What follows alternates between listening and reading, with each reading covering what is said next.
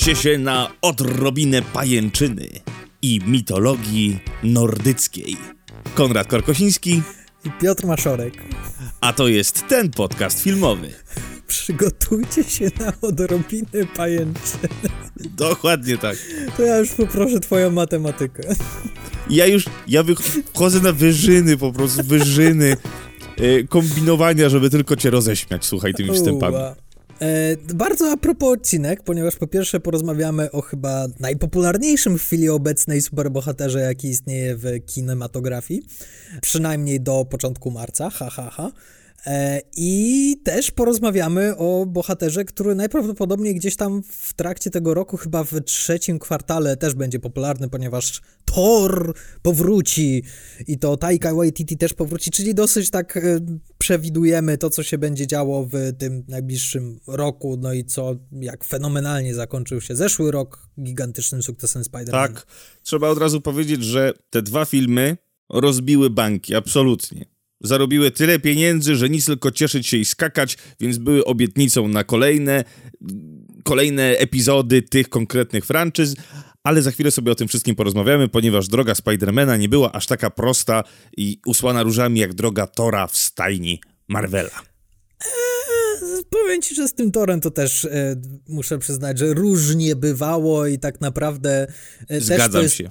Wyboista ta droga była do tego Ragnaroku. Oczywiście. Chcę tylko powiedzieć o tym, że Thor już był w stajni Marvela i tu było o tyle proste, że tutaj nie było, nie było problemu. Oczywiście trzeba jasno powiedzieć, że dwa poprzednie Tory można zaliczyć do jednej z gorszych z gorszych filmów Marvela. Ty, ty, ty, ty, ty, druga, do, do tego Druga, przejdę. Dobrze, druga, spokojnie. tak, tak, tak. Druga, tak, druga. A trzecia część jest jedną z najlepszych w ogóle filmów, które się przytrafiły Marvelowi, więc to jest bardzo fajne, że w tej jednej... fra- Dobra, spokojnie, do tego wszystkiego sobie za chwilę przejdziemy.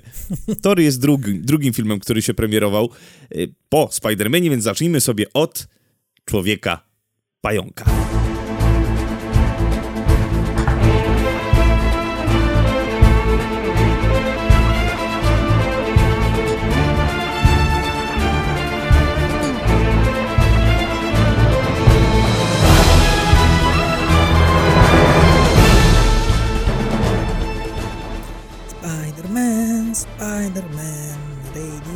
Radioactive Spider-Man. Jak oni fajnie skorzystali z tej, z tej ścieżki dźwiękowej. Jak ją fajnie przełożyli pod siebie tutaj, w, w tym, w, zmieszali to z klimatem studia Marvel. Bardzo fajnie to wyszło. Przede wszystkim, e, już o tym wspominaliśmy w naszym odcinku e, poświęconym e, Wojnie Bohaterów, ponieważ tam po raz pierwszy pojawił się Spider-Man i tam troszkę miznęli, miznęliśmy ten temat, jak to właśnie doszło do tego, że Spider-Man pojawił się w MCU, ale to było tak bardzo powierzchownie. Tutaj chciałbym troszkę to bardziej rozwinąć, ponieważ te negocjacje, żeby sprowadzić e, tego bohatera do stajni Marvela trwały dosyć długo. I to jeszcze trwały, kiedy Ika Perlmutter, czyli ten, wiadomo, producent z pieniędzmi i, i, i, żyła okrutny, e, on jeszcze wtedy przewodził temu wszystkiemu. I oni chcieli się z Sonym dogadać w taki sposób, że słuchajcie, to będzie tak, że jak wy zrobicie film o Spider-Manie, to my będziemy mieli 50% wpływu z tego, z tego filmu, natomiast jak my wykorzystamy postać Spidermana w swoim filmie, to wy dostaniecie 5%, ponieważ my jesteśmy tak super, a wam to jest Spider-Man tak bardzo nie wychodzi. No i oczywiście Sony nie chciało się na to zgodzić i dosyć długo y, kłóciło się z Marvelem i mówiło, nie, nie, nie, nie, nie, dopóki nie zaczniemy traktować siebie jak równy z równym, to wtedy nie mamy o czym rozmawiać. Ale wtedy wydarzyło się coś bardzo ważnego. Nie wiem, czy pamiętasz, ale był taki dosyć głośny wyciek maili i informacji ze studia Sony. Tak, bardzo głośny i bardzo kontrowersyjny. Zwykli, szarzy ludzie mogli zajrzeć za kulisy, jak to właśnie te ci włodarze Hollywoodu ze sobą rozmawiają, jak ze sobą mailują i jak oceniają niektóre rzeczy, coś, czego, co nigdy się nie przedostało w takim stopniu do publicznej świadomej, e, świadomości. No i między innymi w tym wycieku właśnie wyciekła ta informacja, że studio Marvel dogaduje się ze studiem Sony, albo przynajmniej próbują się dogadać. I to jest dosyć ciekawe, ponieważ te negocjacje związane ze Spider-Manem, one by utknęły w martwym punkcie, gdyby nie to, że opinia publiczna y, została dopuszczona do nich w ten trochę nielegalny sposób. I zresztą to nie była pierwsza taka sytuacja, w którym y, odbywały się publiczne negocjacje, jak to się nazywa, A propos postaci Spidermana, ponieważ y, chyba rok temu czy dwa lata temu była dosyć głośna sprawa, że właśnie nie chcą kontynuować z tej współpracy. I też było o tym bardzo głośno, i właśnie też dużo wtedy, była bardzo duża presja publiczna, y, żeby jednak się dogadali i żeby dalej to miało miejsce. Czyli to jest dosyć ciekawe, że ta historia Spidermana w MCU, zawsze fani byli w nią zaangażowani.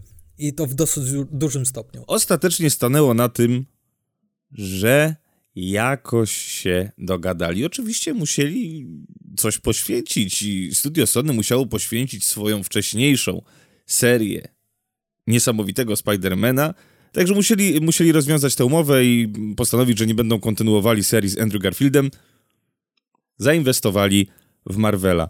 Na jakich warunkach? To, o czym rozmawialiśmy wcześniej, czyli tylko, że studio Marvel e, dostaje 5% za, e, ze sprzedaży biletów. I powiem wam tak, na pierwszy rzut ucha, no to się wydaje skrajny, jak, skrajnie jakoś tak ten podział taki sobie. Dlatego, że studio Sony podpina się pod największego gracza w branży, który ma prawie wszystkich bohaterów pod swoimi skrzydłami, no i te ich produkcje działają. 5%, co prawda oni też finansowali w dużym stopniu te filmy, czyli Sony wykładało pieniądze na te produkcje, no ale 5% zwrotu dla studia Marvel za tak naprawdę całe know-how, czyli jak zarobić na tych bohaterach, no to to nie są jakieś gargantuiczne pieniądze, no ale też w przyszłości oczywiście ta umowa będzie ulegała zmianom, o tym też będziemy sobie rozmawiali przy, przy okazji kolejnych projektów z, ze Spider-Manem, no ale udało się. Udało się i wydarzyło się to. Zatrudniono Toma Hollanda, chociaż tam kilku było innych typowanych ludzi do tej roli. Był tam mniej więcej Nat Wolf, Nat Wolf, Asa Butterfield, Tom Holland, właśnie między innymi Timothy Chalamet i Liam James. Ostatecznie postawili na Toma Hollanda, który podejrzewam, że tutaj mógł coś, coś docisnąć, dodepnąć Chris Hemsworth, ponieważ oni grali razem w filmie chyba rok wcześniej albo półtora roku wcześniej czy nawet ze dwa lata wcześniej, nie wiem kiedy tam się zdjęcia odbywało i to się nazywało W głębi morza. Taki film o polowaniu na wieloryby.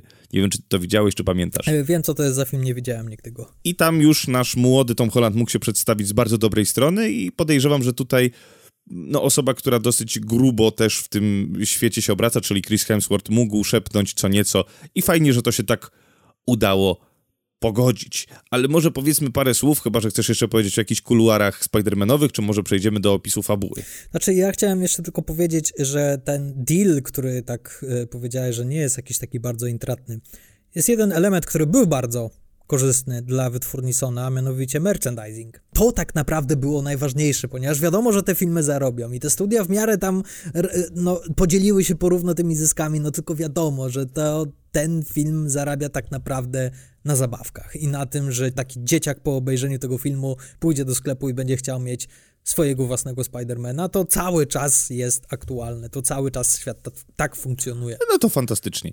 No to w takim razie powiedzmy sobie parę słów o fabule, bo czym Spider-Man w ogóle jest, to wszyscy wiemy. Ten film, o ile dobrze yy, sprawdziłem, gdzieś mi to teraz uciekło, nie zapisałem sobie, ale to jest chyba z dużych projektów o Spider-Manie mieliśmy już trylogię z Tobim, Tobim Maguirem mhm.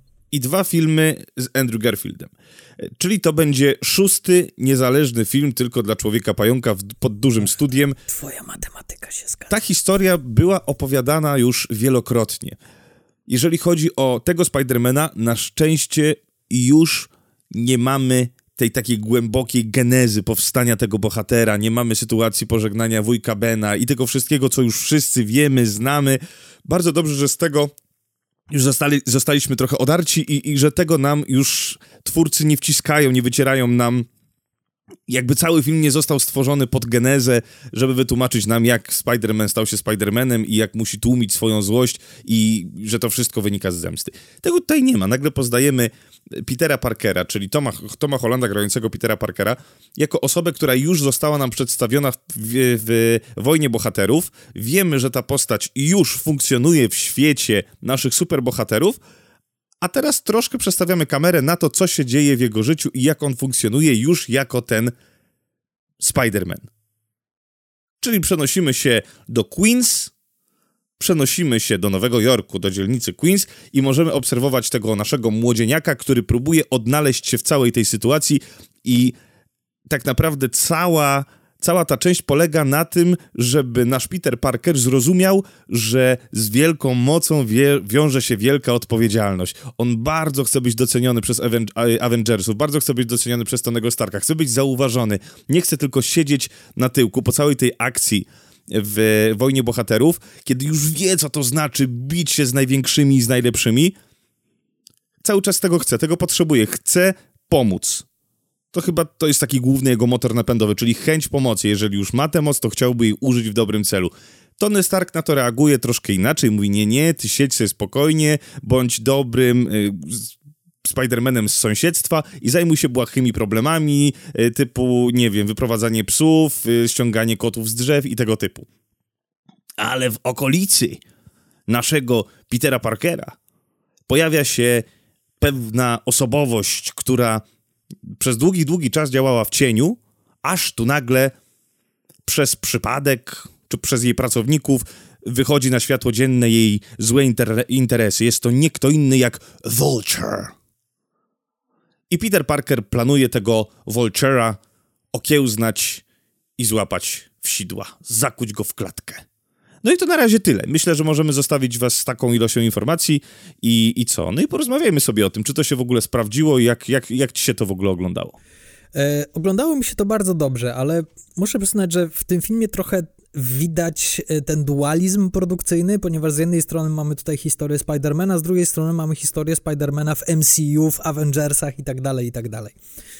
I muszę przyznać, że to wszystko, co się tyczy samej postaci Spidermana i tego jego charakteru, jako właśnie tego młokosa, który jest y, przyjacielskim sąsiadem, który ratuje kotki z drzew i, i pomaga lokalnemu sklepikarzowi, y, żeby dobrze mu się tam żyło i żeby nikt go nie okradał, to jest super. To jest naprawdę bardzo fajny, uroczy element tego filmu i bardzo lubię tą młodzieńczość Petera Parkera. To, co poznajemy już zaraz po otwierającej scenie, ponieważ otwierającą sceną tego filmu akurat według mnie nie najlepiej, nie najfortunniej nie jest scena ze Spider-Manem, ale jest właśnie scena wprowadzająca postać Sempa, granego przez Michaela Keatona. E, nie do końca mi się to podobało. To było takie. Podoba mi się to, jak ta postać jest poprowadzona, ale nie podoba mi się to, jak filmowo to jest rozpisane w tym scenariuszu, bo to jest takie trochę dziwne. Trochę za bardzo nam tą postać odkrywają i chyba lepiej by to funkcjonowało, gdyby było troszkę bardziej w tajemnicy utrzymane. Ale w momencie, w którym poznajemy Spidermana, to jest świetny zabieg, kiedy widzimy wydarzenia z Wojny Bohaterów, tylko że kręcone komórką Petera Parkera. I to, jak bardzo on się jara tym, ja, że, że je, leci samolotem i że będzie jednym z Avengersów i, i robi wręcz relacje na Insta, jak to jest, hej, hej, siemka, cześć, e, patrzcie, patrzcie, tam jest kapitan, wow, nie mogę uwierzyć, że tutaj jestem, dobra, muszę spadać, muszę walczyć, to jest mój znak. E, fantastyczne. I ja od tej, od tej sceny wiedziałem, że okej, okay, oni, oni naprawdę rozumieją, na czym polega ta postać i wreszcie zaprezentowali taką wersję Spidermana, która jest autentycznie nastolatkowa, a nie tylko udaje nastolatka, tak jak to było w przypadku i Tobe, Tobeja, Tobeja, Tobija, Tobiasza. Tobiego. Tobiego. Przepraszam, Tobi. E, Tobiego Maguire'a. I troszkę w przypadku tak. Andrew Garfielda, chociaż... No Andrew Garfield raczej jest takim poważnym aktorem. Ale tutaj faktycznie jest to młode, jest to, jest to jakby pełne tego uroku takich e, komedii nastolatkowych troszkę. I zresztą tutaj bardzo często nawiązują do tego typu gatunku. Jest tam nawet w pewnym momencie pojawia się scena z Wolnego Dnia Ferisa Bullera, czyli takiego legendarnego filmu nastolatkowego. I widać, że oni bardzo silnie się inspirują tą energią. Natomiast z drugiej strony, no mamy niestety ten cały Marvelowy Mambo Jumbo, czyli jest dużo Ironmana, no może nie dużo, ale jest to bardzo ważny element. I ja osobiście mam trochę z tym problem, ponieważ dla mnie Spider-Man w super ekstra fancy technologicznym kostiumie, coś mi tu nie gra w tym zestawieniu. Zabiera tą warstwę tej takiej naturalności i szczerości tej postaci. Ja akurat to lubię, bo to jest motor do bardzo fajnego poczucia humoru, y, typu czy włączyć tryb zabójcy, włączyć tryb yy, przesłuchania, więc on otwiera bardzo dużo takich ścieżek do, do, do korzystania z dowcipu. Ja to akurat lubię. Fajnie, że w tym filmie trochę żonglują tym kostiumem. Raz jest tak, raz jest tak, raz jest tak, raz jest tak, więc on też nas tak bardzo nie rozleniwia, jeżeli chodzi o, o ten kostium, bo, bo rzeczywiście, jak idziemy już później, w, w, tym filmie on też odkrywa swoje umiejętności i ten kostium by może troszkę za dużo zabrał tej takiej potrzeby młodzieńczości, odkrywania, takiego jarania się wszystkim to by chyba za szybko poszło. A jak, jak dużo jest tego, że można go odblokować, zablokować, coś uczyć się jakichś nowych rzeczy, to dużo dodaje tej postaci, więc mnie się akurat zamysł z tym, z tym, z tym, z tym, y, z tym kostiumem podoba. Okej. Okay. E, przyznaję jedną rzecz e, a propos temu kostiumowi, ponieważ tak trochę może niedokładnie się wyraziłem. Ja się nie czepiam tutaj konkretnie kostiumu, czepiam się tego, że troszkę za mocno opierają się na Iron Manie e, w, w tej historii okay. i że troszkę za mało jest tutaj takiej samodzielności Spidermana że to, że on tak bardzo stara się zaimponować Tonemu Starkowi, A, oczywiście. troszkę szkodzi. Ale z, z, tym kostiumem, z tym kostiumem wynika jedna fajna rzecz, że kiedy on pozbywa się tego kostiumu, to, znaczy ten kostium zostaje mu zabrany i musi wrócić do tego swojego koszmarnego, dresowego, tandetnego e, kostiumu, e, który zrobił w, w domu, i cała końcowa akcja jest w tym kostiumie. I dla mnie to była genialna decyzja, ponieważ to jest y, bardzo wizualny znak, że tak, on dorósł do te, on najpierw musi zasłużyć na ten kostium, żeby faktycznie w nim być i to jest bardzo fajny, wizualny sposób, żeby ci to pokazać. I to im muszę przyznać, że to wyszło naprawdę świetnie. Ale ja się zgadzam absolutnie, jak już przed chwilą rozmawialiśmy o tej ostatniej części, czyli Spider-Man No Way Home, tam na przykład jest bardzo podobna rzecz, czyli maszyna Tonego Starka, która jest w stanie rozwiązać każdy światowy problem i y, rozwiązać każdą najbardziej skomplikowaną zagadkę. I to są takie rzeczy, które w ogóle mnie w Marvelu denerwują, że mamy takie knyfy, które są rozwiązy rozwiązywaczami sytuacji w najprostszy sposób. Mimo, że mamy naprawdę turbo skomplikowaną, bardzo, wręcz nierozwiązywalną zagadkę, to wystarczy pudełko skonstruowane przez Tonego Starka i już mam problem rozwiązany w 3 minuty to, to jest dla mnie troszkę z, zbyt duży knyf. Akurat w tej ostatniej jest tego najmniej i dlatego chyba najbardziej mi się ze wszystkich podoba, ponieważ faktycznie tam Spider-Man jest główną postacią i on polega na sobie i to, po, i to opiera się przede wszystkim na uniwersum Spidermana, wszystkich filmach Spidermana z ostatnich 20 lat. Natomiast te pierwsze dwie części, czyli właśnie Homecoming i następna, to ona tak mocno polega na Tonym Starku i, i na relacji pomiędzy nim a e, Peterem Parkerem, że to w niektórych momentach aż szkodzi. E, ale przyznaję, że plusem jest to, że to jest bardzo ładna relacja między nimi i ten duet Robert Downey Jr. i Tom Holland no są przepyśni razem na ekranie. Ta scena ich wspólna w aucie, kiedy e, Tony Stark próbuje otworzyć drzwi i, Tom Holland się do niego przytula. Oni świetnie ze sobą grają komedię.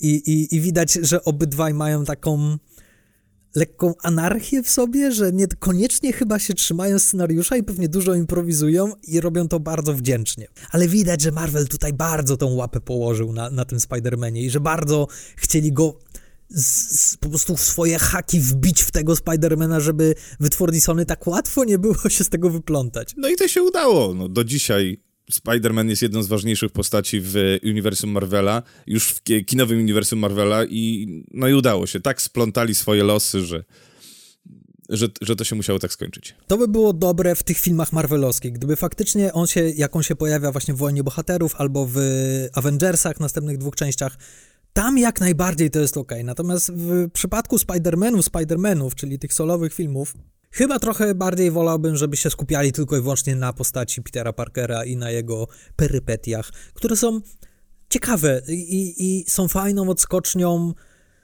od tego właśnie wielkiego y, świata superbohaterów, w których mamy kosmiczne zagrożenia i dziury w niebie i Centaury i te wszystkie inne rzeczy. I dla mnie to jakby troszkę nie ta liga. Dla mnie Spider-Man jest najlepszy, kiedy właśnie troszkę w swoim świecie bardziej e, funkcjonuje, a nie w tym wielkim no multiversum. No dobra, to, to porozmawiajmy sobie odrobinę o obsadzie w takim razie. Mam słabość do tego filmu, ponieważ tak, po pierwsze mamy właśnie Toma Hollanda, który jest przeuroczy, natomiast po drugie mamy Batmana.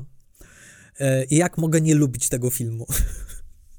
I swoją drogą jest jeden z najfajniejszych złoczyńców w Marvelu. Przepraszam, ale, ale taka jest prawda. Jest to fajnie napisana postać nie do końca dobrze zagrana przez Kitona. Jest zagrana tak, jak Kiton gra, czyli z tymi wszystkimi manieryzmami, które wrzuca do każdej swojej roli. On cały czas, mam wrażenie, że ma landrynkę w buzi. On cały czas ciućka. Cały czas operuje tymi ustami. Jeszcze robi takie dziwne tiki, tak, tak, tak. Takie, A to też jest jego, no to takie... Jak, jakby był troszkę niezrównoważony psychicznie, ma jakieś takie dziwne, u, trochę mu zostało po Nicholsonie. To jest, to jest fajnie napisana postać, ale też nie jestem jakimś wielkim fanem Michaela Keatona. W ogóle nigdy nie byłem jakimś wielkim fanem Michaela Keatona. Od razu mogę to powiedzieć.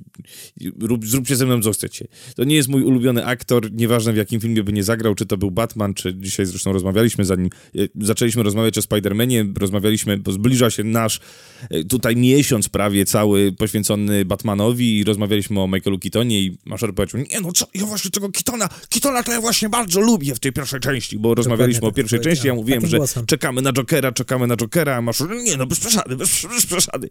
Ja mówię, no, to jeszcze o tym usłyszycie w przyszłym miesiącu, więc tutaj jeszcze spokojnie, spokojnie. Do Batmana jeszcze wrócimy, wiemy, że wszyscy Batmana kochacie. Ale dobra, no to w takim razie Michael Ale, Keaton jako... Je, jeszcze no, tylko no. chwilka. Zauważyłeś nawiązanie do Batmana w Spider-Manie?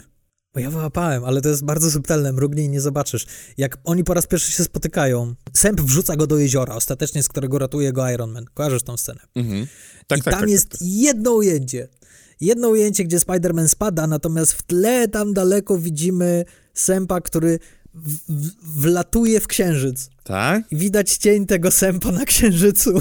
I ja miałem tak tak, byłem memem z Once Upon a Time in Hollywood, kiedy DiCaprio stryka palcami i pokazuje na telewizor.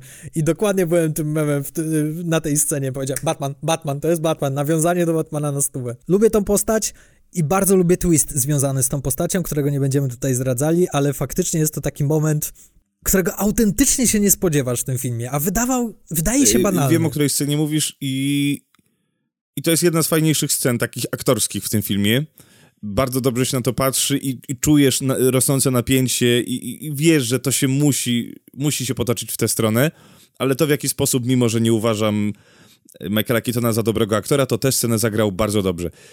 A co powiesz o Zendai, czyli naszej MJ, której w tym filmie nie ma w ogóle prawie? E, e, znaczy, ona funkcjonuje jako taki comic relief, przewijająca się na trzecim uh, planie. Komik to jest mocne słowo. Nie no, jest zabawna. Ja śmiechłem tam chyba raz. Tak? To jest bardziej jako takie comment relief. Nie no, jej tekst, że przychodzę do kozy po to, aby porysować smutnych ludzi, no tak. czym pokazała portret nauczyciela, który tam siedzi, to było zabawne, hej, okej. Okay. Poza tym wtedy Zendaya jeszcze nie była Zendają. Teraz to oczywiście to, to się rozbuchało, no i dobrze trafili, szczerze mówiąc, ponieważ y, ta postać funkcjonuje trochę jako twist fabularny, nie? Że my nie wiemy przez cały film, kogo ona gra i dopiero mhm. na samym końcu okazuje się, że a, a więc ona będzie ważna. Tak, tam jest jeden, jeden, jedna sekunda tylko. Tak jest jedna scena w tym filmie, gdzie jest rzeczywiście przedłużone spojrzenie. Mhm. I to już może świadczy, świadczyć o tym, że a nuż się coś będzie działo. Jeszcze jak pada, że MJ, no to już wszyscy wiemy, co się będzie działo. No ale dobrze, co jeszcze mam? Mamy y, ciocię May, czyli Marisę Tomei, Marisę Tomei, która jest najbardziej seksowną ciocią May, jaka była. No chyba, że jeszcze porównamy ją do, do cioci z, z filmem z Tobeyem Maguirem, no to wtedy jest... Rosemary Harris? Nie. Tak. Peter! To już nie, no, no, tak. nie, ale cudowne jest to, że oni zdają sobie sprawę z tego i tyle, to ile dowcipów wysmażyli z tego, gdzie nawet w restauracji, w jakimś tutaj wietnamskiej czy tajskiej restauracji dostaje kelner do niej smoli cholewki mówi na koszt firmy i to i tamto. Podoba mi się to, jak często do tego nawiązują i jak bardzo się z tego śmieją i nawet Marisa to May zdaje sobie z tego sprawę, że ona została obsadzona właśnie po to, aby się z tego nabijać. Dokładnie tak. Ja też bardzo Marisę Tomei w tej roli lubię, bardzo się na nią przyjemnie patrzy. Mam bardzo fajną relację, taką przyjacielską z, z Peterem. No dobrze, mamy, co trzeba chyba jeszcze by szepnąć y, słówko o Jacobie Batalonie, który gra Neda Litza. Mm. Guy in the chair. Czy nasz, czyli naszym, czyli naszym, tak, y, pomocniku głównego protagonisty, czyli pomocnik przekości, który zawsze marzył, żeby mieć w życiu przygodę i przeżywa właśnie najpiękniejszą przygodę, bo jego najlepszy przyjaciel jest, jest Spider-Man. To jest najwspanialsza rzecz, jaka mu się przydarzyła. Piękna scena, kiedy przychodzi do niego do domu, czeka z Gwiazdą Śmierci zbudowaną z Lego. No dobrze, słuchajcie, pojawił się nawet Donald Glover w tym filmie. I to nie, jak, i to nie byle jaka postać ponieważ to jest wujek Aaron. Ja nie wiem, kto to jest wujek Aaron. A nie widziałeś Into the Spider-Verse? Widziałem. Wujek Aaron? Nie pamiętam. Ojejku, to jest wujek To jest ten wujek, co malował tymi sprayami, tak? Tak, tak, to jest on. Jego, jego siostrzeńcem, czy tam bratankiem, jego bratankiem jest okay. Miles Morales. Czyli i zresztą Okej. o którym on mówi w tym filmie, że mój bratanek mieszka w tej okolicy i nie mogę pozwolić, żeby coś mu się stało. Czyli tak niektórzy bardzo się podjarali tym, że uuu, Miles Morales w MCU, jeszcze Donald Grover jako wujek Aaron, czyli super. Okej, okej. Nie, nie skojarzyłem, ale też nie oglądałem Spider-Mana Into the Spider-Verse już długi czas, więc, więc tak, tak luźno bym nie skojarzył. Po takich odstępach oglądania tych dwóch filmów, fajnie, w takim razie fajnie. Bardzo ładna scena, zresztą w, w trybie przesłuchiwania i rozmowy z Donaldem Gloverem. Tak, bardzo No zabawne. dobrze, no to w takim razie co? Okruszki, okruszki, okruszki. A, no po pierwsze mamy scenę, która za bardzo nie wie, co ona ma robić. Ona ma powiedzieć, że Michael Keaton jest w porządku gościem i że nie zdradzi tożsamości Spidermana, Ja- którą pozna. Ja też nie mam zielonego pojęcia, o co chodzi w tej scenie, do czego ona mogłaby ewentualnie prowadzić. Kompletnie prowadzi nie wiem, co ona funkcjonuje. Donikąd. Chyba, że za jakieś 10 lat wrócą do tej postaci i się okaże, że jednak zdradził jego tożsamość, czy coś takiego. Natomiast ostatni Stinger to jest jeden z moich ulubionych dowcipów w tym filmie. E, przez cały ten film e, przewija się ten wątek, że Kapitan Ameryka e, bierze udział w takich edukacyjnych wideo, które są puszczane w klasach. Na lekcji WF-u on mówi o jakiejś tam odpowiedzialności, czy o sile, tu mówi o czymś innym.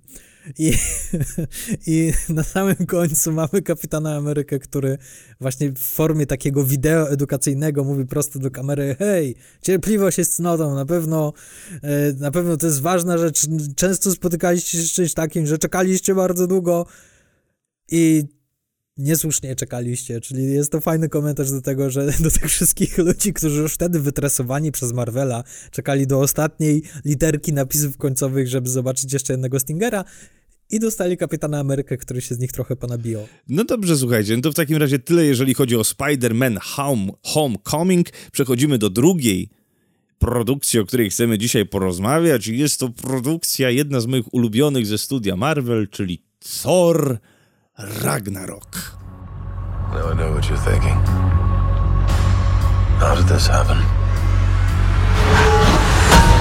Well, it's a long story.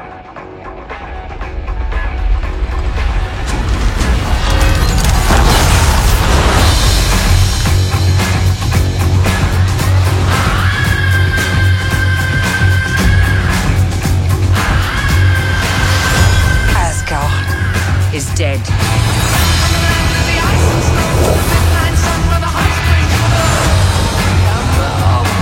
Hi there. Jejku, Thor Ragnarok, czyli Taika Waititi na stołku reżyserskim. Ojejku, jak bardzo to było potrzebne. Nawet jak to było potrzebne, żeby ten człowiek trafił pod strzechy takiego wielkiego studia jak Marvel i żeby dostał wolną rękę. I to widać, że dostał kompletnie wolną rękę, robi co chce, bawi się i dzięki temu wyszedł jeden z fajniejszych filmów, jeden z przyjemniejszych do oglądania filmów ze stajni. Marvel. No więc film zaczyna się od dosyć zabawnej sceny, kiedy to Thor zostaje uwięziony przez Surtura. Surtur to taki wielki, znaczy jeszcze w tej pierwszej scenie mały, mały człowiek grany przez Taikę Waititiego, który jest Diabłem. człowiekiem spaląco... Diabeł, o, o, o, jest diabłem, Thor jest zakuty w kajdany, wisz, wi- wiszący przed obliczem tego diabła, wisi, rozmawiają i jest tam przedstawiona wizja tego, odrobinę y, mitologii nordyckiej, czyli y, nordycki koniec świata, Ragnarok jest przedstawiony przez owego Surtura i mówi, że tak, że jam, jam jest y, zniszczenie Asgardu, wystarczy, że włożę moją głowę w wieczny ogień i urosnę bardzo duży i zniszczę, zniszczę, zniszczę Asgard. Na co Thor mówi, a, czyli to jest ta twoja korona na głowie? tak, czyli wystarczy, że zdejmę ją z twojej głowy i, i tyle? Tak, okej. No i ściąga to z głowy z tego Surtura i, i wraca do Asgardu, do Asgardu z, z, z tą koroną, a tam odbywa się niesłychanie piękne przedstawienie, w którym główne role grają Matt Damon oraz Sam Neill e, i grają historię śmierci Lokiego. Fantastyczne. To jest bardzo śmieszna scena. I zresztą kocham tą scenę z jednego powodu, ponieważ Matt Damon to swoją drogą, ale to jak Anthony Hopkins gra w tej scenie, to jest przepyszne. Jak sobie pomyślisz, że to jest Anthony Hopkins, który tak gra. Faktycznie tak gra. Coś wspaniałego. Przepraszam, przerwałem. Y, Po, czym y, widzimy, że Odyn ogląda, ogląda tę scenę No, po chwili się okazuje, że ten Odyn to już nie jest ten Odyn, tylko ten Odyn to jest oczywiście przebrany Loki. Loki jednak żyje, żyje, żyje i teraz zarządza Asgardem, przebierając się za Lokiego, za, Odyn, za Odyna. No, ale oczywiście bra bracia odnajdują Odyna, który jest w Norwegii, na, na skarpie stoi, żegna się ze swoimi dziećmi, mówiąc, że że Ragnarok się zbliża i on już jest nie do zatrzymania i że tak, że koniec Asgardu, koniec Asgardu i że jego czas już nadszedł. I on odchodzi, ale że ma jeszcze jedną tajemnicę, którą musi im wyjawić. Dawno, dawno temu, zanim jeszcze oni przyszli na świat, to Thor miał, Odyn miał jeszcze jedno dziecko, swoją pierworodną córkę Helę, która jest boginią śmierci i ta bogini śmierci jest bardzo silna i że on ją uwięził, ponieważ było w niej zbyt dużo rządzy zła, śmierci i że ona jest bardzo niebezpieczna i, i umiera, umiera, zostawia ich.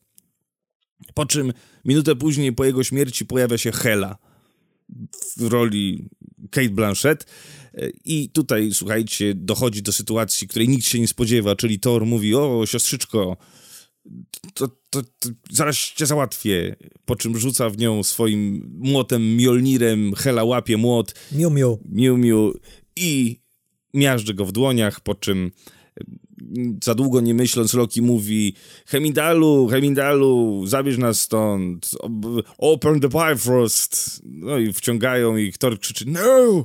I wciągają ich, oczy, oczywiście okazuje się, że Hela leci tuż za nimi, wyrzuca ich z tego Bifrostu ona trafia do Asgardu, do Asgardu, a chłopaki trafiają do planety Jeffa Goldbluma. Mhm. Kontrowersyjna opinia. Ja nie przepadam za tym filmem. Ojejku, jejku, I, jak to jest niemożliwe wręcz. No jest, przyznaję, że widziałem go raz wcześniej w kinie i byłem trochę taki, hmm, nie rozumiem. I po cichu liczyłem na to, że teraz ten seans do, do, do naszej najlepszej serii tego podcastu filmowego. Pozdrawiamy Mateusza. E, po cichu liczyłem na to, że się jednak przekonam i że zdam sobie sprawę. Nie, no to jednak jest genialne, ale nie, przyznam się szczerze, że trochę się znowu wynudziłem. Nie wierzę po prostu w to, co słyszę. Jest jeden duży problem z tym filmem, że ja komplet, on mnie kompletnie nie obchodzi. On jest zabawny jest super i ma fajne poczucie humoru i ma fajny ten taki white-titowski sznyt. Ale to się wiąże jednocześnie z tym, że nic w tym filmie nie ma znaczenia, tak naprawdę. A w tym filmie dzieją się duże rzeczy. Naprawdę duże i ważne rzeczy. Ale to jest właśnie najfajniejsze w tym filmie. Y, właśnie w to, że rozmawialiśmy o tym, że te poprzednie tory są takie, takie sobie.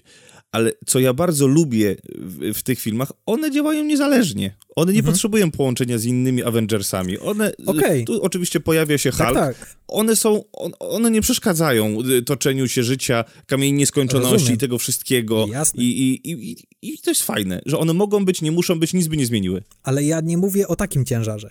Ja mówię tutaj o tym, że w tym filmie ginie ojciec Tora i w ogóle tego nie czujesz los całego Asgardu wisi na włosku i w ogóle nie czujesz napięcia w tym. Thor zostaje obdarty ze wszystkiego. I w ogóle tego nie czujesz. Spotyka bohaterów, na których powinno ci zależeć i którzy mają naprawdę dosyć intensywną historię, jak na przykład Valkyria. No, i akurat, akurat o Valkyrii sobie jeszcze porozmawiamy, bo wydaje mi się, że tutaj to jest jedna z tych rzeczy, które się temu filmowi nie udały. Aha. E, ale, ale do tego sobie jeszcze, jeszcze przejdziemy. E, znaczy, to wszystko, o czym ty mówisz, mogę się zgodzić, ale też chciałbym stanąć w pewnej opozycji, dlatego że tutaj scenariusz i YTT robią bardzo jasne zabiegi. Mhm. Oni nam od razu mówią o tym, że spoko, no tam dobra, przecież Asgard to tylko miejsce, to, to, nie, to, to, to, to są ludzie, a nie miejsce. Eee, to tam, to trudno. E, I wiesz, i to jest fajne, że ten film, tak samo jak mi, że Thor został obdarty ze wszystkiego. No tak, ale bardzo silnie nam pokazują, że co, co? Zaraz i tak tam wróci, wszystko odzyska, bo tak jest ten pokazywany, nie? Ja I, rozumiem. I tego ciężaru tutaj nie ma potrzeby, żeby był ten ciężar. Nie, nie, nie, nie, nie. E... Nie zgadzam się całkowicie. Według mnie ten ciężar powinien się pojawić, żeby zaszła zmiana w torze i żeby on zdał sobie sprawę, że faktycznie Asgard to są tylko ludzie i wtedy ta zmiana miałaby znaczenie. Natomiast jeśli od samego początku to wszystko jest takie hej, siup, hej, hop, No to tu nie masz żadnego ciężaru tych nie, wydarzeń. no tam jest taka droga bohatera, odna wiesz, odnalezienie siebie, takie mało, to jest, to jest troszkę rozsypane. Bo ja wiem, czy jest ta droga bohatera. Tak naprawdę nie ma ani jednego momentu, w którym Thor zastanowiłby się przez chwilę na tym, co się wydarzyło. Ten moment przychodzi dopiero w Infinity War. Kiedy on ma pierwszą scenę, w której on może odreagować to wszystko, co się wydarzyło w Ragnaroku. Tak. I to jest trochę niefajne, że dopiero w tamtym filmie to się pojawia i że trzeba było brać i Russo, żeby oni zdali sobie sprawę, ej, coś tutaj chyba zabrakło takiego jakiegoś człowieczeństwa w tym bohaterze, ponieważ tutaj serio, tata mu umiera na jego oczach. I jakby w ogóle nie ma to żadnego wydźwięku w nim. Uważam, że następny Thor, który zobaczymy w tym roku, to będzie genialny film Taiki Waititiego, ponieważ on tam jest już całkowicie oswobodzony ze wszystkiego. Z całego Marvela. I nie musi się patrzeć na to, na, na cokolwiek. Natomiast tutaj on jeszcze miał te łańcuchy, które łączyły go troszkę z tymi wcześniejszymi wydarzeniami i próbowali tutaj zmienić i próbowali bardzo drastycznie zmienić i przyznaję, udało im się całkowicie zmienić tonację e, tej franczyzy konkretnej. Tylko, że jakoś to mi tak się nie łączy z, fabularnie po prostu. To jest trochę Okej, odklejone. Rozumiem to. Rozumiem to. Ja akurat nie mam tego problemu, przez to, że pokazują nam od pierwszej części tego Tora jako człowieka, który tak rzadko bywa w domu i który tak naprawdę jest tam tak rzadkim bywalcem i całe jego życie jest napiętnowane tymi walkami po całym świecie i byciem odpowiedzialnym za te całe dziewięć królestw i wszystko. I on, on do tego domu zagląda na, na minutkę dosłownie i dzieją się takie rzeczy. No, w tym momencie akurat sytuacja no, jakoś bardzo nie ulega zmianie. Ta, ta, ta śmierć jego ojca też jest spowodowana jakimiś tutaj inny, innymi sytuacjami. To jest coś, na co mm, gdzieś możemy sobie powiedzieć, że jeden i drugi niby był gotowy. Oni, to, tam jest kilka takich rozmów, wiesz, to bardziej przychodzi w relację braterską i w ogóle taką, taką relację rodzi, rodzinną, jeżeli chodzi o pogodzenie się z tą sytuacją i zrzucanie winy i tego typu przeróżne rzeczy tam, do, do przeróżnych rzeczy dochodzi. E, no ale wiesz, rzeczywiście w tym filmie tak dużo się dzieje, że nie ma, nie ma gdzieś czasu na to, na te refleksje i to się zgodzę. Mhm. Mnie się podoba świat. Mhm. Ja jestem tym światem zauroczony przez to, co wy, jak, jak to wymyślił Waititi, jak to ubrał w to, w, w, w tę taką odpustowość, Mhm. może tak to nazwę, e, przez to, co się dzieje na tej planecie, nie pamiętam jak się ta planeta nazywa. e, Na, mm, Planeta Jeffa Goldbluma. Planeta Jeffa Goldbluma, tak. E, To, co się tam dzieje, ten, ten świat jest przepięknie zbudowany. Bardzo lubię, bardzo lubię te, te, te relacje z, z Hulkiem. Bardzo lubię to, że on bez młota tak naprawdę no może nie, nie, nie jest nikim, bo, ma, bo jest silnym gościem, ma moc i potrafi tego Hulka położyć, e, ale, ale bez tego młota nie ma pewności siebie. I, to, I fajnie, że to jest zobrazowane w tym filmie. Is it though? Tak. Mnie się to czyta. Fajnie, że ten ojciec jest tam aktualny, który mu cały czas y, może odnaleźć tego ojca w, w, w, w, takich sytuacjach już skrajnych i ten ojciec mu podpowiada i mówi, o, to, Nie, nie, to nie. młot był tylko skumulowaniem On się energii, pojawia Thor. w jednym momencie, na sam koniec, kiedy jest... Dwa mu- razy. Raz się pojawia w jakiejś wizji przebłysku i nic nie mówi, a później się pojawia Tak. na sam koniec, kiedy trzeba wyraźnie powiedzieć Torowi, że ej, tak, ej, ej, tak. ty nie potrzebujesz młota, nigdy nie potrzebowałeś. Oj, come on, stać was na więcej, serio. Swoją drogą, w momencie, kiedy dochodzi do tej rozmowy z ojcem, z Odynem, dochodzi do jednej z lepszych scen w całej historii Marvela, chcę tylko powiedzieć. W momencie, kiedy Thor od, odkrywa, że on ma to w sercu i w ciele, ma te błyskawice i odpalamy piosenkę Led Zeppelin, Immigrant Song i jest walka na tęczowym moście, to jest jedna z lepiej zrobionych scen w ogóle, w ogóle w całym Marvelu. To przyznaję, to, to jest mocny moment. Ja, ja mam ciarki, jak widzę tę scenę. To jest coś wspaniałego. To, to nie będę się z tobą kłócił. Wykorzystanie piosenki Led Zeppelin to był strzał w dziesiątkę i zresztą to jest y, rzecz, która kupiła Marvela, ponieważ Taika Waititi w swoim em, pitch meeting, czyli kiedy starał się o robotę i stworzył y, swoją taką taśmę koncepcyjną, w której pokazał, co by chciał zrobić, to właśnie wrzucił Led Zeppelin i Feige powiedział okej, bierzemy jego, ponieważ to jest, to jest świetna koncepcja. Czyli od samego początku ten Zeppelin był, em, Immigrant Song było włączone w wizję Tora do tego filmu i to, to mm, zgadzam się, to jest super moment i to jest super piosenka. Jakby wrzucili Bohemian Rhapsody, to też by był super moment. Wiesz, co jeszcze jest? E, e, to mnie trochę irytowało w kinie, jak to oglądałem, to mianowicie to poczucie humoru Jamesa Gana w tym filmie. E, czyli to, że konstruujemy sceny w taki sposób, że nabudowujemy jakąś sytuację, czy, która ma swój temat, który ma swoją, który ma swoją dramaturgię, po czym walimy dowcip na koniec, żeby to wszystko zniszczyć i żeby, nie daj Boże, widzowie nie pomyśleli, że my jakoś się angażujemy emocjonalnie w to. Tak, ale ja się z tobą zgadzam absolutnie, tylko że to jest na tak najwyższym poziomie poczucia humoru, że ja nie mam za złe tego temu filmowi. Okej. Okay.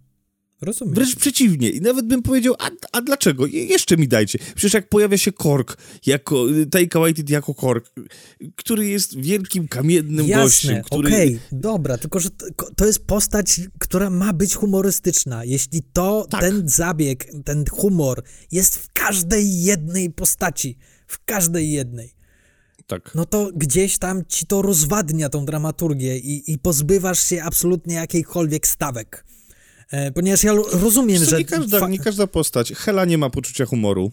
Jak to nie? Hej Blanchett, gdzie tam, co tam jest No przecież on, to jak ona to gra i to jak ona ma, o, jestem królową, a, oj, bracie, bracie, bracie i w ogóle, no to, to, to jest bardzo, bardzo humorystyczne i bardzo kampowe. No może tak, znaczy, wiesz co, mnie, może mi ciężko jest się, jest się do tego ustosunkować, bo, bo to jest poczucie humoru, które mnie bawi, mhm. to jest sucharowe i, i gdzieś rozumiem konwencję, mhm. rozumiem próbę ucieczki w to, i w żaden sposób mi to nie przeszkadza, tym bardziej, że potem to już zostało z tym torem, gdzieś e, w tych wszystkich, yy, w całej reszcie, nie, nie, może nie. nie aż tak intensywnie, ale, ale to jego komentarzowanie i to, to używanie tego poczucia humoru i tej lekkości jest w nim silne, więc, więc ja, to jest okej. Okay. Ale nie zgodzę się, że to zostało w torze, ponieważ spójrz jak dużo dramatu rozgrywa się w torze w y, kolejnych dwóch filmach, w których się pojawia, czyli w Avengers. No oczywiście, ale to są okoliczności są inne, to jest zupełnie tak, co innego. tylko że tam także masz tą postać bardzo humorystycznie przedstawioną. Co, tutaj się zgodzę, że to, co Ragnarok zrobił świetnie, to, że wyzerował tą postać i skupił się bardzo na humorze w tej postaci. I według mnie to był strzał w dziesiątkę.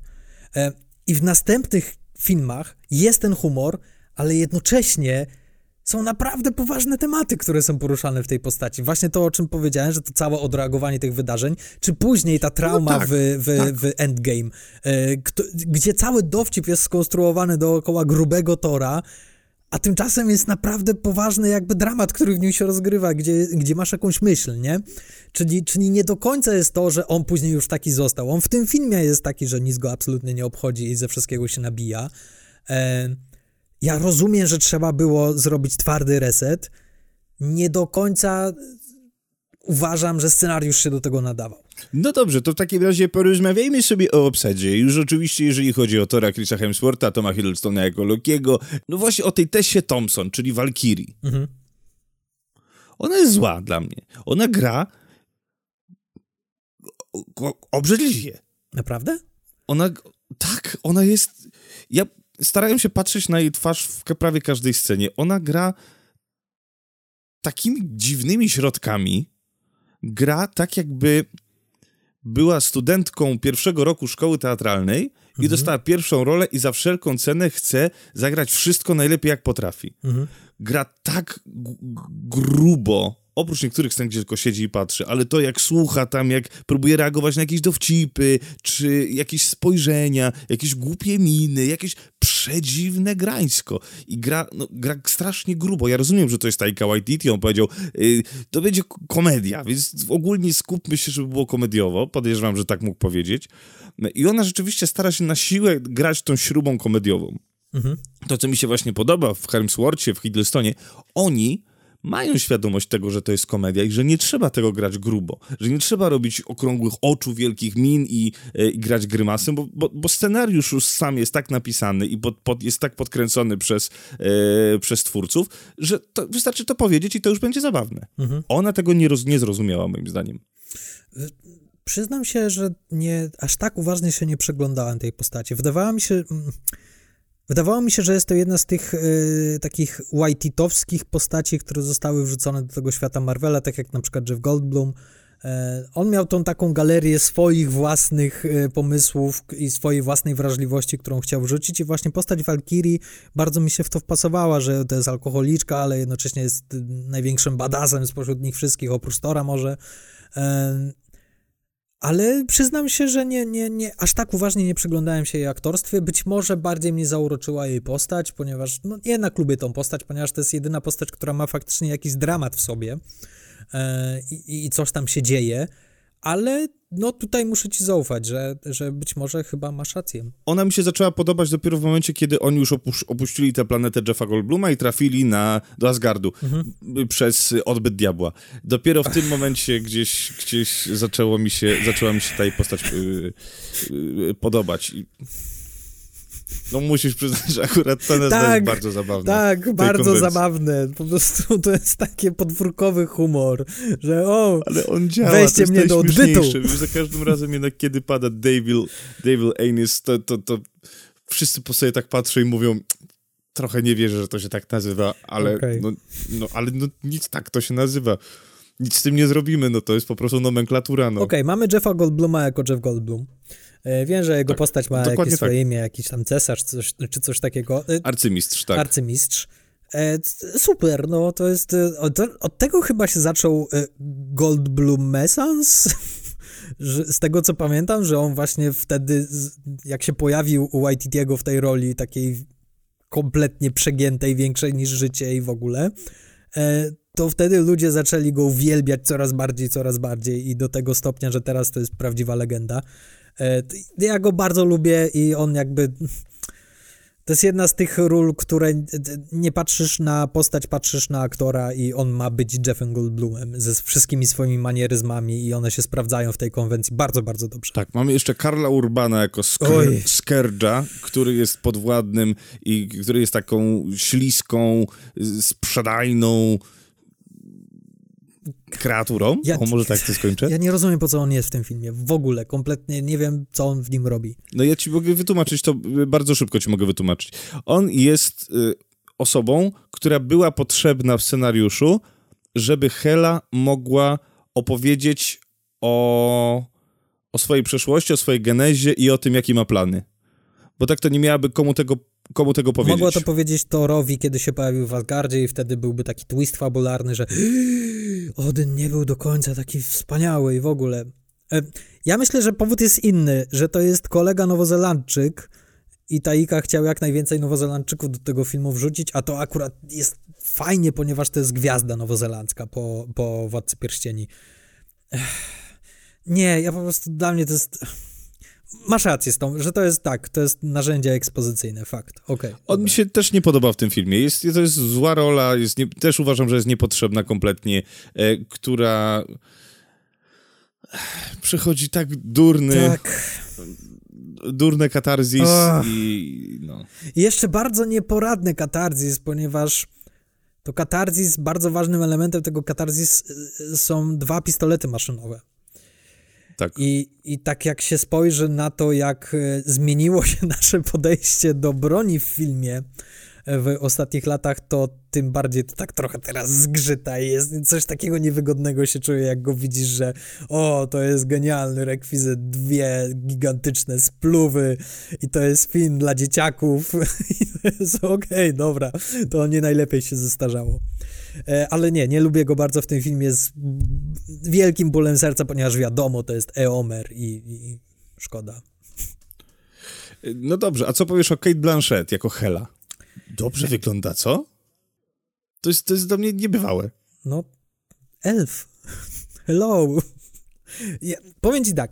Ostatnio oglądałem Zaułek Koszmarów i gadałem sobie ze swoim znajomym na temat tego filmu. I określiliśmy, że Kate Blanchett to teraz jest taka docelowa aktorka, jeśli musisz zagrać kosmitkę albo zimną sukę, e, to idziesz do Kate Blanchett i ona ci to zrobi od tak, w 5 minut. I faktycznie to, to, to widać w tym filmie.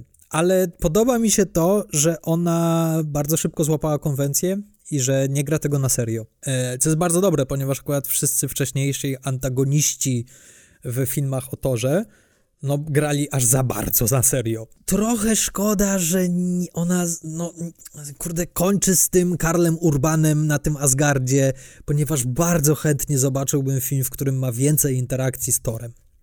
Ponieważ wydaje mi się, że to poczucie humoru w jej postaci i ta nowa wersja Tora, która jest bardziej dowcipna, to by było fajne zderzanie się tych postaci. A niestety przez to, że ona ląduje w tym Asgardzie i większość jej scen skupia się właśnie na tym, co powiedziałeś, że ona chodzi i mówi, co się wydarzyło.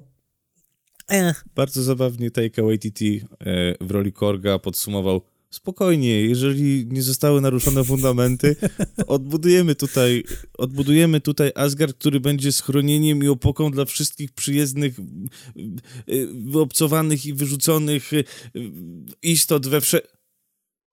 O nie. Fundamenty zostały zniszczone. Bardzo mi przykro, Thor. To jest bardzo zabawne. Ta rola Korga jest, to jest no, to jedna z fajniejszych postaci. Tak, bardzo się cieszę, że, to, że się pojawił w uniwersum Marvela, ponieważ to jest lepsze uniwersum przez to, że ktoś taki tam jest w tych filmach i że może tak komentować niektóre rzeczy. No i dobrze, no i mamy Marka Ruffalo.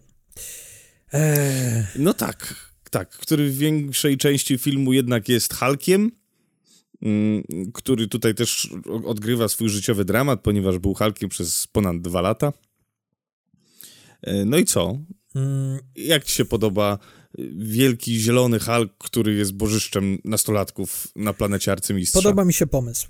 Wykonanie nie do końca, ale to z takich technicznych powodów, ponieważ głos Hulka jest zrobiona takim autotunem, takim komputerem, tak bardzo słychać syntezator, w tym, że to mnie strasznie wytrącało i nie, mo nie mogłem, po prostu nie mogłem go słuchać. I, I to jest taka moja techniczna blokada przed tym wątkiem.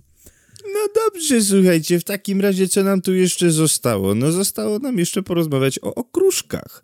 A te okruszki, Oho. akurat jeden z nich jest bardzo, bardzo przyjemnym okruchem.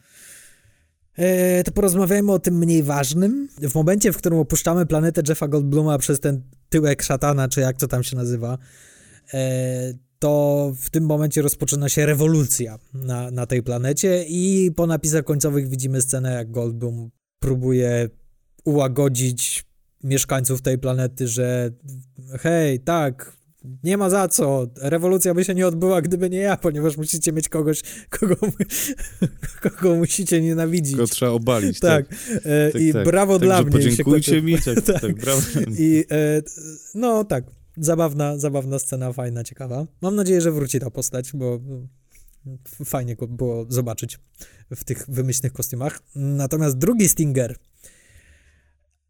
to jest bolesny Stinger, powiem ci szczerze. Mhm. I szczerze mówiąc, to jest chyba najbardziej Waititiowa rzecz w tym filmie. Że on tak nabudował tą historię, no umiejętnie, nieumiejętnie, już abstrahując od tej dramaturgii, ale mimo wszystko jakąś historię opowiedział.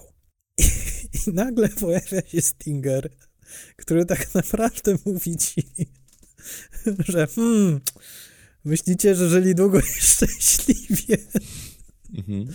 O, wow. No więc Widzimy tylko ten mały stateczek, który się uratował z, ze wszystkimi z Asgardu na tle ogromnego, wielkiego statku kosmicznego, w którym już czekają Thanos i jego pomocnicy.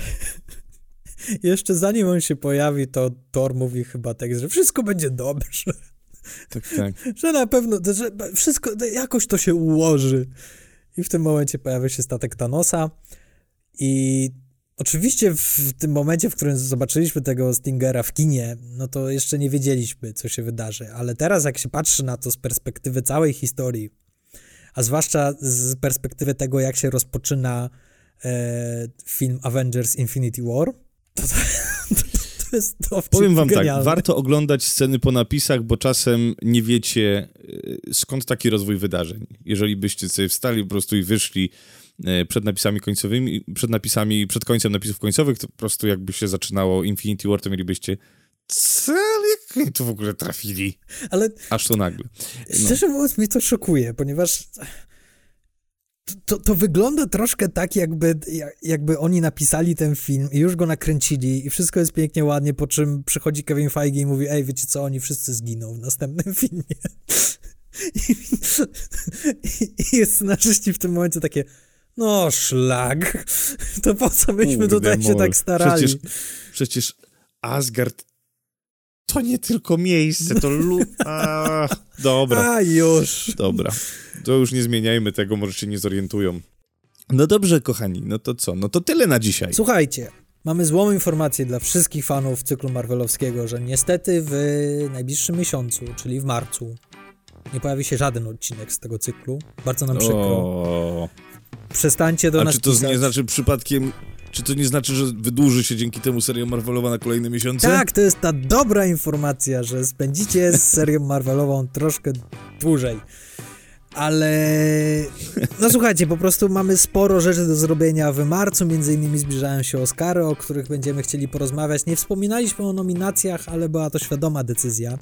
E, porozmawiamy sobie troszkę o tym w naszym odcinku przedoscarowym i zrobimy także odcinek pooscarowy, czyli taki double feature. No i oczywiście zbliża się najlepszy superbohater, jaki kiedykolwiek zagościł na ekranie kin, czyli